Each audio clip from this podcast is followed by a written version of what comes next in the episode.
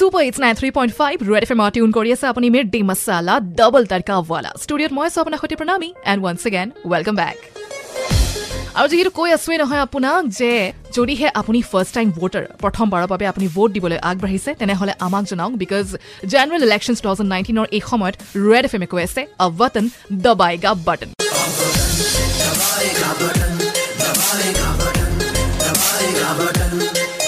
আৰু বিচাৰিছিলোঁ আপোনাৰ পৰা জানিবলৈ যে যদিহে আপুনি ফাৰ্ষ্ট টাইম ভোটাৰ তেনেহ'লে আমাক হোৱাটছএপ কৰক। আমাৰ WhatsApp number nine nine five four zero' three nine nine three five আৰু লগতে জানিব বিচাৰিছিলোঁ যে এইবাৰ আপুনি নিজৰ ভোট দিয়াৰ উপৰিও আন কাৰোবাক যদি লগত লৈ যায় সেই কথাও জনাব কৈছিলোঁ আমাক।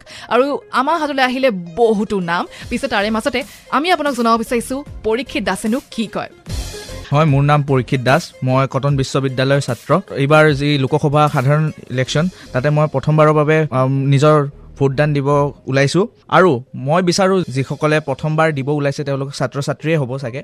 তোমালোক ওলাই আহা মই দিব ওলাইছোঁ তোমালোকে ওলাই আহা কাৰণ তোমালোকৰ এটা ভোটে দেশখনৰ পাঁচ বছৰ ভৱিষ্যত নিৰ্ণয় কৰিব। যিটো পদক্ষেপ এইবাৰ ৰেড এফ এমে আনিছে অব বটন দবাইগা বটন সেইটো বহুত এটা ভাল পদক্ষেপ। আৰু তোমালোকে এই পদক্ষেপটোত যোগদান কৰি কেনে নিজৰ ভেলুৱেবল ভোটটো দিয়া। আৰু মইতো ভোট দিমেই। মোৰ সৈতে মোৰ বন্ধু অনুৰাগ শৰ্মাক নিজৰ সৈতে লৈ যাম। আমি দুটাই নিজৰ ভোট দিম। Great so' that's the spirit আৰু সেইবাবে আপোনাকো কৈ আছোঁ যে যদিহে আপুনিও ফাৰ্ষ্ট টাইম ভোটাৰ তেনেহ'লে ভোট দিয়াৰ দিনা অন্ততঃ হলিডে বুলি মানি ঘৰত বহি নাথাকিব।